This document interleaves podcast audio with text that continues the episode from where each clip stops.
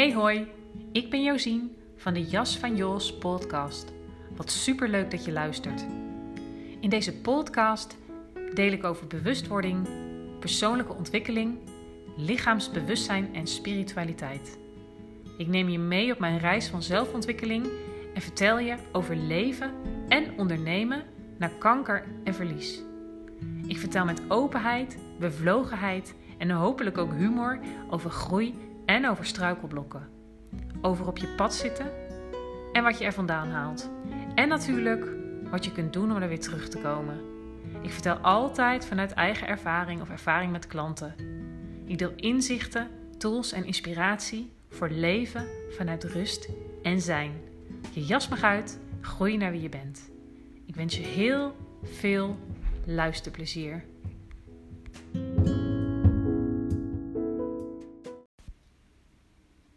Donker kan alleen bestaan bij de aanwezigheid van licht. Hey, leuk dat je er weer bent bij een nieuwe aflevering van de Jas van Jos podcast. En de quote waar ik net mee begon, dat is natuurlijk ook het onderwerp van deze nieuwe podcastaflevering over donker en licht. Donker kan alleen maar bestaan bij de aanwezigheid van licht.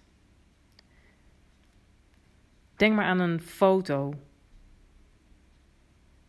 Dat je eigenlijk dat wat je ziet niet zou kunnen zien bij de aanwezig, eh, zonder de aanwezigheid van licht. En dat je geen schaduw zou kunnen zien zonder de aanwezigheid van licht, zonder de aanwezigheid van de zon. En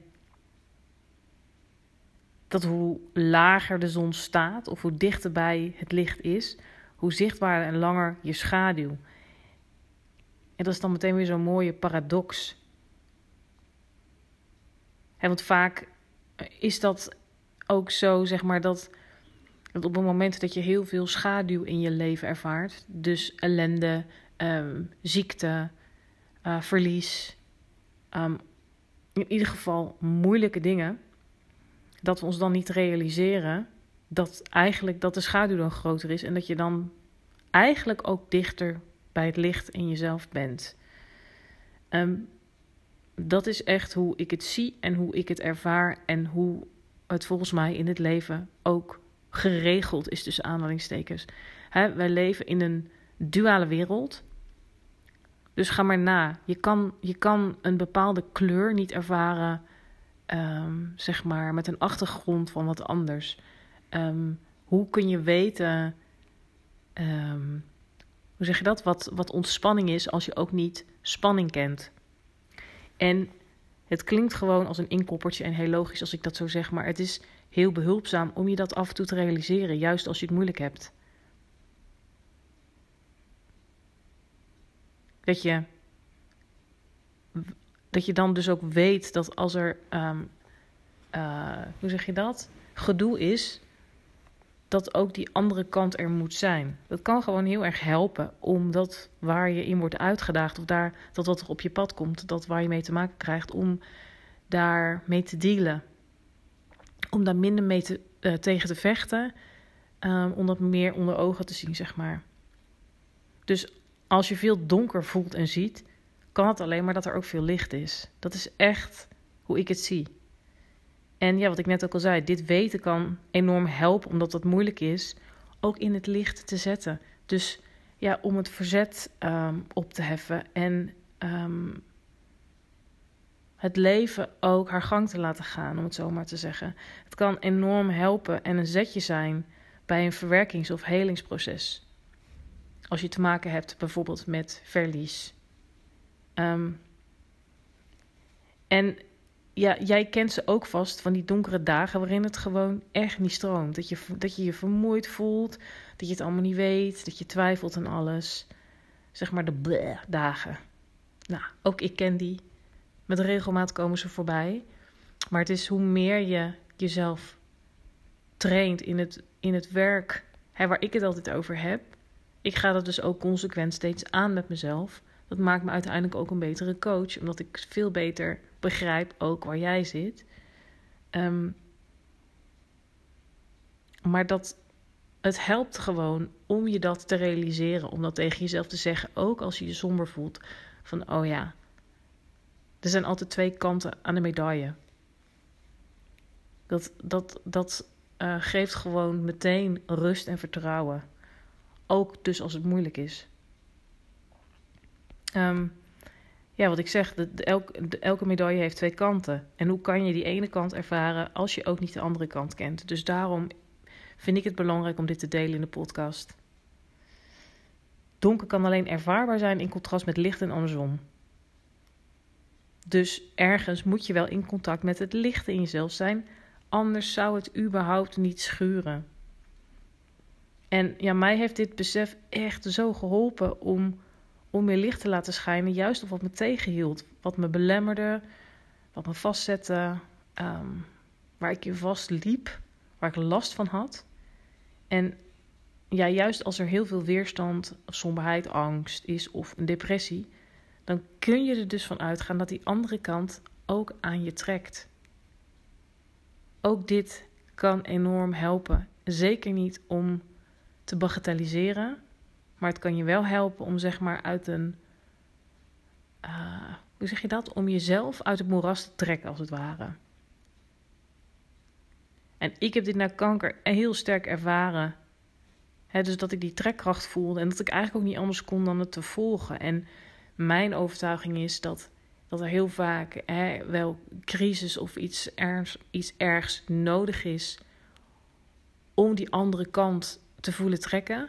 Maar dat hoeft dus niet. En voor mij is dat een, belangrijke motivatie om steeds deze podcast op te nemen. Dat je, dat je niet helemaal in het moeras hoeft weg te zakken eerst. Bij wijze van spreken. Um, en toen het zijnspad en yoga en ook als spiritueel pad een steeds grotere rol ging spelen in mijn leven, heeft dat bij mij dat luikje eigenlijk steeds verder opengezet. Um, zodat je ook veel meer gaat voelen dat je ruimte mag maken voor jezelf. Bij mij is er ooit in het basisjaar van zijnsoriëntatie door mijn leraar tegen mij gezegd: Als je zoveel weerstand ervaart, dan ben je er dichtbij. Want dat kan ik je zeggen. Dus bij mij ook enorm veel angst en weerstand geweest. Um, maar deze zin heeft mij enorm geholpen. Dus als er veel weerstand is, dan is het dus de bedoeling dat je naar die weerstand toe gaat. Die wil je iets vertellen. Hè, dat waar er veel weerstand is, is de bevrijdingsdrang ook heel sterk. Er zit dus altijd een verlangen onder. Dat is hoe het leven werkt. Daar geloof ik in en ik ben er een voorbeeld van. Dus hoe meer weerstand, hoe meer verlangen. En als je door je weerstand heen durft te gaan, niet door er doorheen te beuken, maar door door dat te onderzoeken, door dat te voelen in je lichaam, dan komt er ruimte voor de andere kant van die medaille. Dus hoe kutte de kut alles ook voelt, eigenlijk juist als het kut voelt en traag of sloom en stroperig, dan is dat het moment om voor jezelf te kiezen.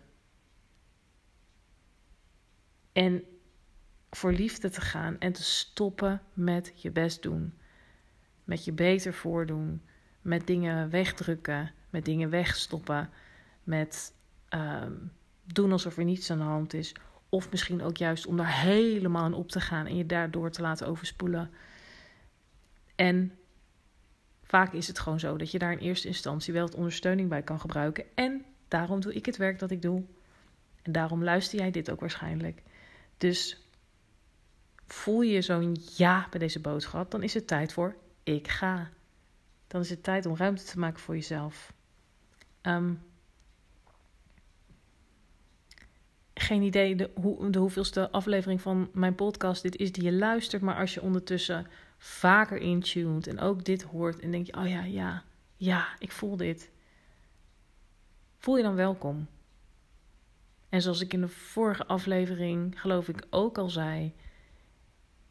Ik bied tijdelijk acht sessies voor de prijs van vijf of twaalf sessies voor de prijs van acht, omdat ik er heilig in geloof dat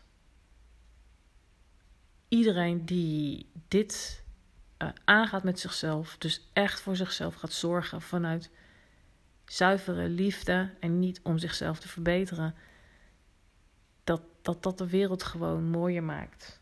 Dat dat het, ja, dat het je gaat helpen met dichter bij jezelf blijven. Dat er daardoor ook minder uh, strijd komt tussen mensen.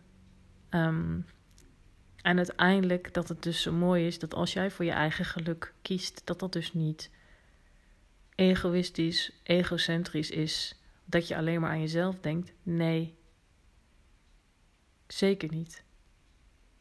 Denk maar weer aan de metafoor, die twee metaforen, zuurstofmasker in het vliegtuig. Je kunt alleen maar er echt zijn als je jezelf zuurstof geeft, als je jezelf lucht geeft. Dat komt altijd eerst. Dus stop met de bal onder water duwen, om met die andere metafoor um, te spreken. En geef ruimte aan die bal. En die bal staat voor alles wat eigenlijk ja, boven de oppervlakte mag komen. Dus ik zou zeggen, maak gebruik van deze aanbieding en um, kom kennis maken. Je bent van harte welkom. Dus weet, donker kan alleen maar bestaan bij de aanwezigheid van licht en andersom. Die twee gaan hand in hand. Leven vanuit dat perspectief geeft je altijd ruimte. Nou, dit was het. En uh, ik spreek je bij de volgende aflevering.